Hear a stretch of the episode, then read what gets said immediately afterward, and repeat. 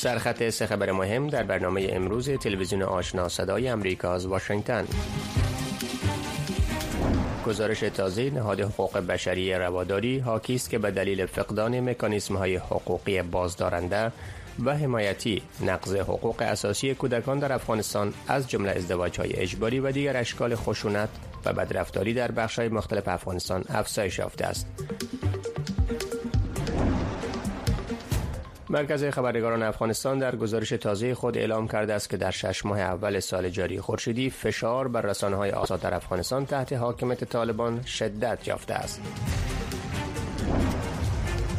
و در حالی که عملیات نظامی اردوی اسرائیل بر حماس در باریکه غزه امروز صبح نیز ادامه داشت بر اساس اطلاعات رسمی نشر شده از دو طرف شمار کشته شدگان در جنگ اخیر اسرائیل و فلسطینیان از 13700 نفر فراتر رفته است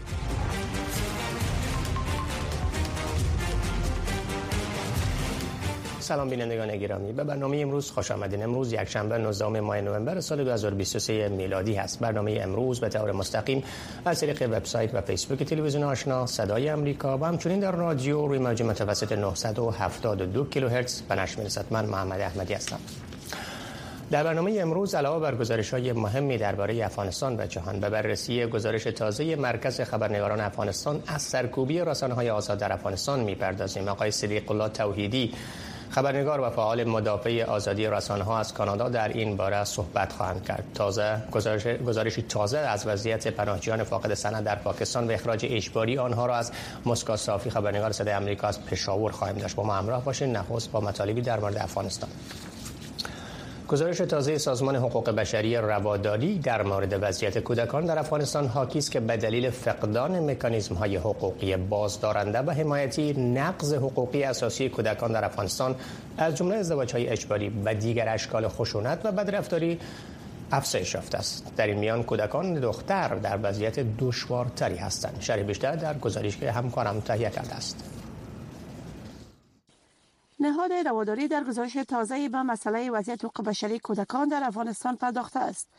در این گزارش از لغو قوانین ملی و تاثیران بر وضعیت حقوق بشری کودکان در افغانستان به طور تحلیلی جزئیات تازه منتشر شده است.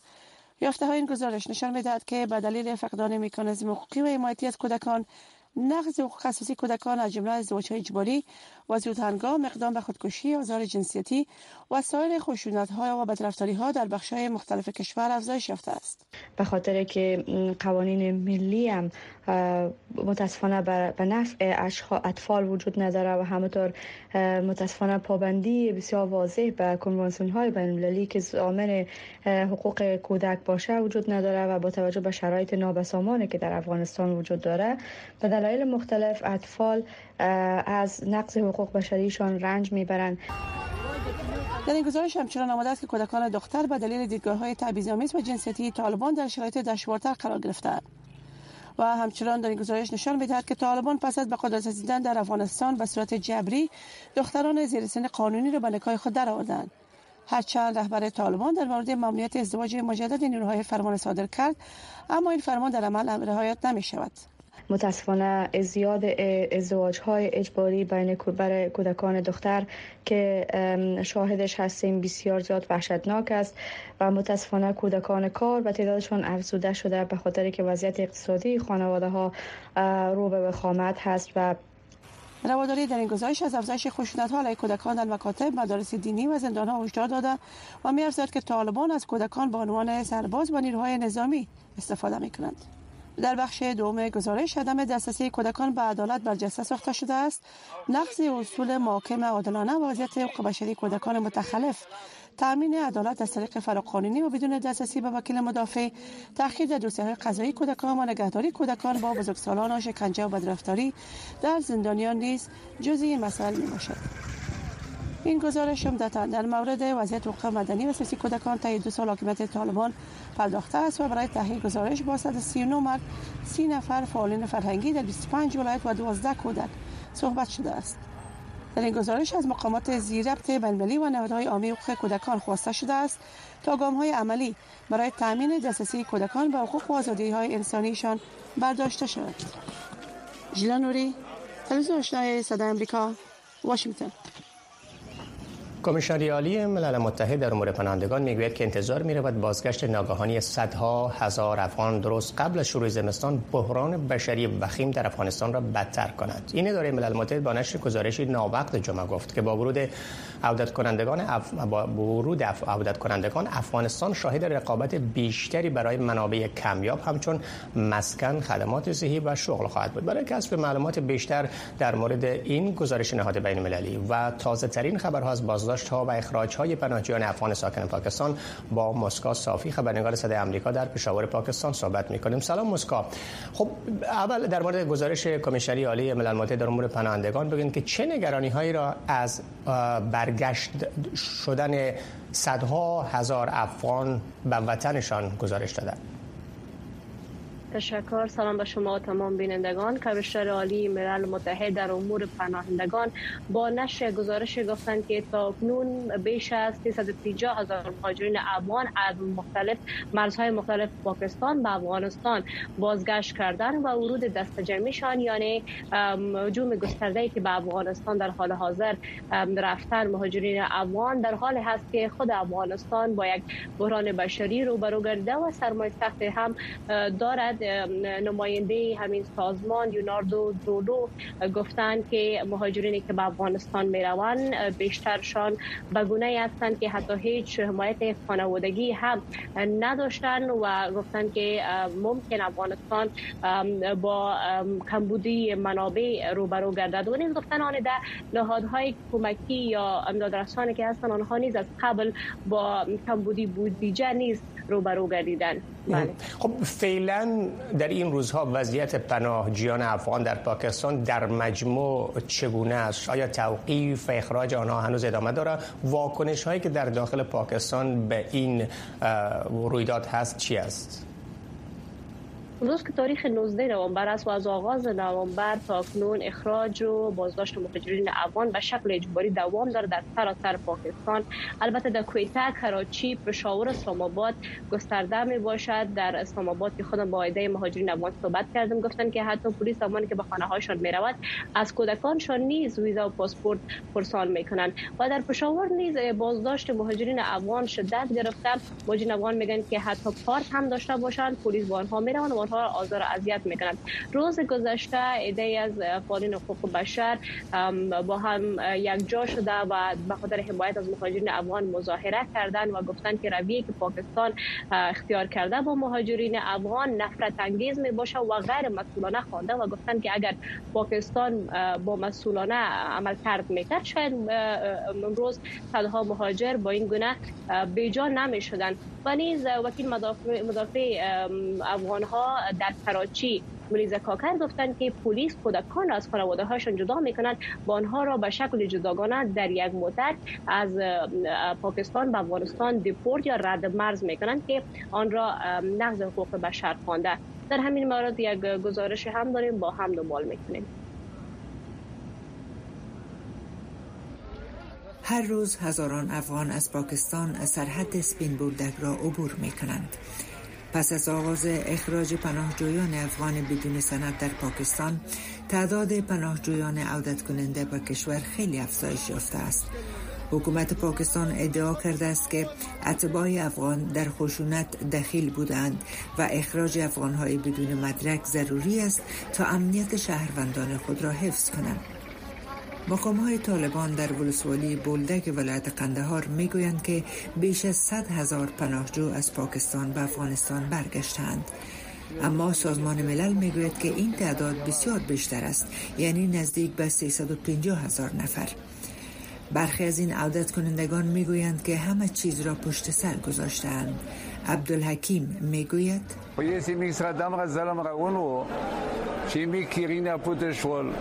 گوید برم پوتشو هر طولی می ختم برخی از خانواده هایی که برگشتند در این کمپ موقت زندگی می کنند. آنها از طالبان و جامعه جهانی می خواهند که در زمینه سرپناه و کار با آنها کمک کنند. فرید احمد می گوید کاربار ندارم بیکارم غریبم کور ندارم من در زندگی می‌کرد از سبب پیدا سر تاس په تاس ود نو بس هغه سره به پیدا مش په دغه مشوره کې سمسه کار را کې کور یو ځای جګیر را تاسو قبل از اول ماه نوامبر حدود یک میلیون و هفتصد هزار پناهنده بدون سند در پاکستان وجود داشت که بیشتر آنها افغان بودند. مقام های محلی طالبان می‌گویند که کمیده های ولایتی را برای کمک به پناهجویان افغان اخراج شده برای اسکان مجدد در کشورشان تشکیل دادند.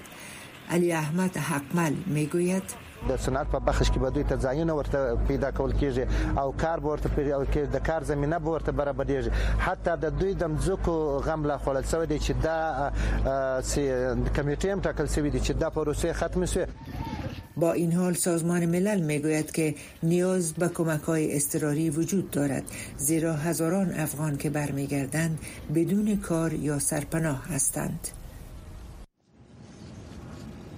مرکز خبرنگاران افغانستان امروز در گزارش شش ماه امسال درباره وضعیت آزادی رسانه‌ها در افغانستان اعلام کرده است که فشار بر رسانه‌های آزاد در کشور شدت یافته و تغییر شدید در محتوای کاری رسانه‌ها و بازداشت گسترده خبرنگاران در این مدت وجود داشته است و طبق گزارش این مرکز در حال حاضر نه تنها در ولایات بلکه در کابل روند کاری معمول رسانه‌ها مختل شده است و امکان تهیه و نشر گزارش‌های آزاد و تحقیقی و یا برنامه‌های چالشی رسانه ها به دلیل محدودیت شدید در دسترسی به اطلاعات از بین رفته است. برای بررسی وضعیت موجود رسانه های افغانستان تحت حاکمیت طالبان اکنون با آقای صدیق الله توحیدی خبرنگار و مسئول پیشین امور دادخواهی کمیته مسئولیت خبرنگاران افغان که فعلا مقیم کانادا هستند صحبت می‌کنیم. آقای توحیدی سلام صبح شما بخیر. سپاس از حضور شما در برنامه. به نظر شما این گزارش چقدر نگران کننده است و بیانگر وضعیت وخیم رسانه های آزاد در افغانستان تا چه حد است؟ سلام خدمت شما جناب آقای احمدی و بینندهایی که برنامه رو نگاه می‌کنن متاسفانه بعد از بازگشت طالبان به قدرت در 15 اگست سال 2021 هر با گذشت هر روز محدودیت بیشتر، سانسور بیشتر و مشکلات بیشتر بر سر راه کار رسانه‌ای در افغانستان با وجود آمده. گزارش یک مرکز خبرنگاران افغانستان پخش کرد مبین این ادعا است که طالبان هیچ گونه سرسازش به خاطر حمایت از آزادی بیان و آزادی رسانه ها ندارند. ما در 20 سال گذشته پیش از سقوط حکومت دکتر غنی موارد خشونت علیه خبرنگاران را ثبت می‌کردیم که به ندرت اتفاق میفتاد که در یک سال ما شاید 100 مورد خشونت خشونت تهدیدهای لفظی و اینا می داشتیم اما شما در گزارش مرکز خبرنگاران افغانستان می‌بینید که در 6 ماه 75 مورد به ثبت رسیده که بیشتر بیشترین مورد آن تهدید و زندان است زندان های موقت 33 مورد زندانی شدن خبرنگاران در 6 ماه که اگر تا آخر سال وضعیت در این منوال ادامه پیدا کند ما در حدود 66 مورد زندان خواهد داشتیم و در مجموع 150 مورد خشونت علیه خبرنگاران خب بله ببخشید تویدی یکی از تاثیرات منفی تاثیر و نفوذ طالبان بر رسانه‌های آزاد بر اساس این گزارش اخلال در کار گزارشدهی آزاد و تحقیقی است. چقدر این وضعیت در تبیین و نشر واقعیت‌های جامعه و مردم در حکومت طالبان تاثیر منفی می‌گذاره؟ خب تبعات منفی برجسته این اختلال فکر می‌کنید چی است؟ بزرگترین تبعات این مداخله در کار رسانه‌ای در افغانستان این است که رسانه های داخل افغانستان دیگر مدار اعتبار نیستند با عنوان منبع اصلی معلومات برای مردم افغانستان محسوب نمی شود شما شاهد هستید که هیچ گونه دسترسی به اطلاعات در افغانستان از ادارات تحت امر طالبان وجود ندارد. اتفاقات امنیتی پوشش داده نمی شود انتقاد از اداره طالبان صورت نمی‌گیرد. در مورد شیخ عیبت الله به عنوان امام غایب چنان وضعیت را با وجود آوردن که هیچ کس حق ندارد که در مورد این آقای که هنوز هم در انظار عامه ظاهر نمی شود صحبت کند. حضور زنان به حد محدود شده تا در پایتخت افغانستان که بدون ماسک از تلویزیون های داخلی قابل رویت نیستند. در اکثریت ولایات افغانستان گزارشگران زن از کارشان بیکار شدند یا بیرون شدن از افغانستان یا به یا در خانه نشستند. این تمام مواردی است که وقتی محدود دسترسی به اطلاعات بله. وجود نداشته باشد. پاسخگویی در برابر پرسش خبرنگاران وجود نداشته باشد. بله. آزادی در زمینه ارائه سوال برای خبرنگاران وجود نداشته باشد. بله. مردم نسبت به رسانه های داخل بله. اگر مختصر بفرمایید به نظرتون آینده فعالیت رسانه های آزاد افغانستان با این وضعیت چه خواهد بود؟ متاسفانه روز به روز کار اطلاع رسانی و روزنامه‌نگاری در افغانستان با چالش های جدی بیشتر مواجه خواهد شد. تا زمانی که تا زمانی که وضعیت بهتر نشده و تغییر در چگونگی اداره افغانستان با وجود نیامده خبرنگاران نمی‌توانند که با صورت آزاد بر اساس میارهای مسلکی خبر تهیه کنند و گزارش تهیه کنند و به دست نشر بسپارند. طبیعی هم است که وقتی که رسانه داخل به عنوان منبع اصلی معتمد در نزد معلومات در نزد مردم افغانستان زیر سوال برود طبیعی است مردم افغانستان به منابع و رسانه های بیرون از افغانستان توجه خواهند کرد و یک تعداد زیاد از همکاران ما از افغانستان بیرون شدن تعداد زیادی هم در کابل هستند یا در ولایات هستند. متاسفانه از کار مسلکیشان کنار گذاشته شدن و مسلک کارهای دیگر رو ممنون از شما آقای صدیق توحیدی خبرنگار و فعال حقوق رسانه ها در کانادا که تحلیل خود در مورد گزارش تازه مرکز خبرنگاران افغانستان بیان داشتن. سپاس از حضور شما در برنامه. تشکر ممنون. امریکا یکی از کشورهایی که میزبان فرهنگ ها، میلیت ها، سنت ها و ارزش های متنوع و بسیار مختلف از سراسر جهان است. زندگی در امریکا و مهاجرت به اینجا مانند سایر کشورها سختی ها و لذت های خود را دارد. برخی افراد با تلاش و با استفاده از فرصت ها می توانند به رویاهای خود برسند و برخی ها با مشکلات روبرو می شوند. زندگی در امریکا. هر جمعه از ساعت 6 الا 6 بعد از ظهر به وقت افغانستان.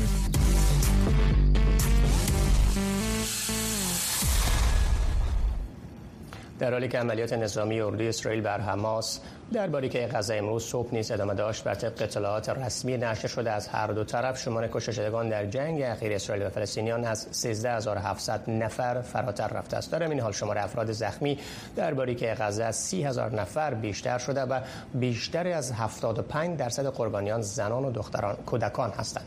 اسرائیل به روز شنبه گفت که نیروهای آنان روز شنبه وارد شفاخانه الشفا شدند. اردوی اسرائیل این محوطه را به حیث بخشی از تهاجم زمینی علیه حماس به محاصره درآورده بود. اردوی اسرائیل حماس را متهم کرده است که آن گروه عملیات های نظامی خود را در پوشش شفاخانه عملیات انجام می‌داد.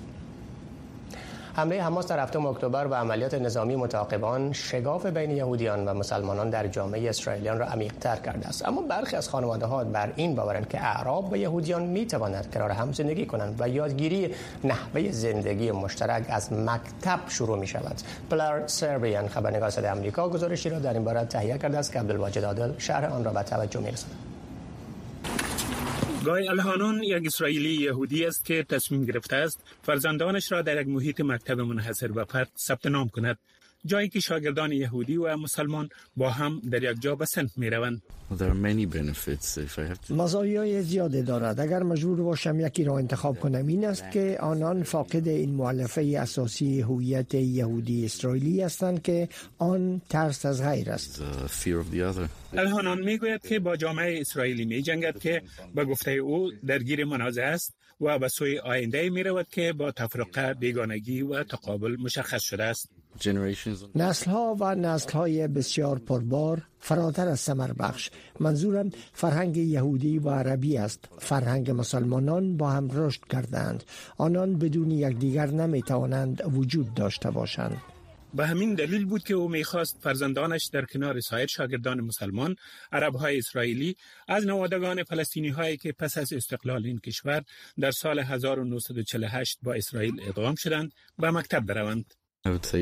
می‌گویم آدم یا لیام هر دو بچه های بسیار شیرین و فوقلاده هستند هر دو در فوتبال بسیار خوب هستند هر دوی آنان مادر یهودی و پدر فلسطینی دارند حیفا یک شهر منحصر به فرد در اسرائیل است.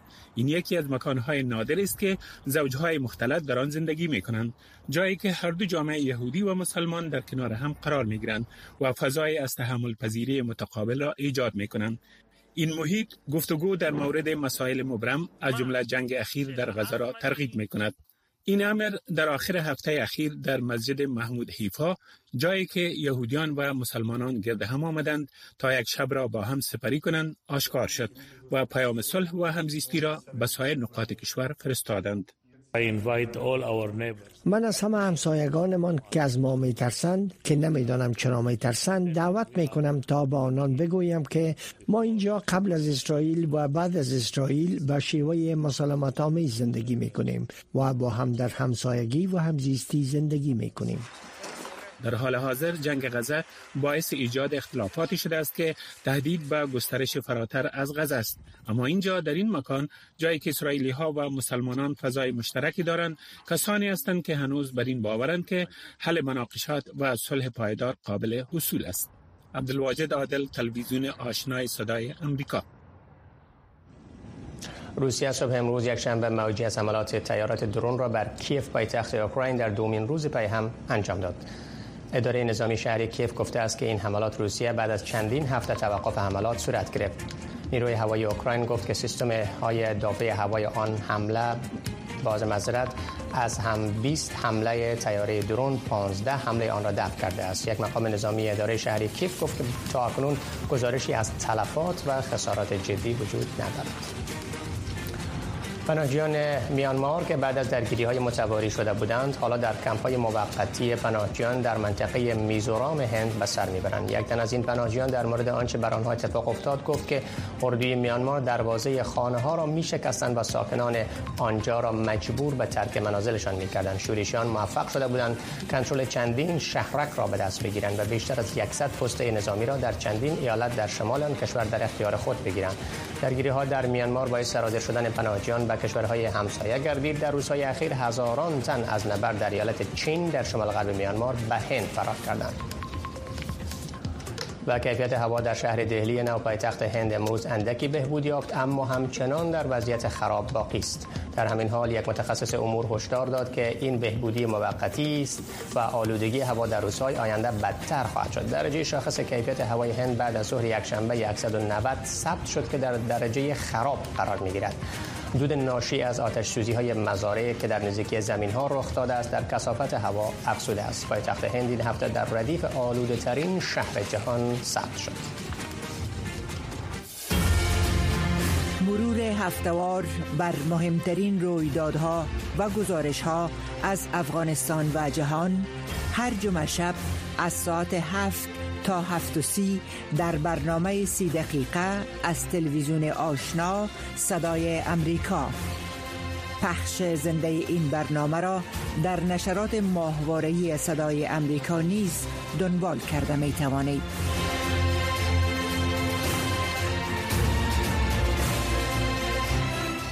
در جریان دو سال گذشته برخی از فعالان حقوق زنان افغان که به پاکستان مهاجر شدند به دادخواهی خود همچنان ادامه دادند. طاهره ناصری یک تن از همین زنان است. ولی طاهره در این اواخر با تهدید اخراج از پاکستان نیز مواجه است. مسکو صافی در مورد تلاش‌های طاهره ناصری یک گزارشی را تهیه کرده است که برگردان دری را همکارم خدیجه همال به توجه می‌رساند.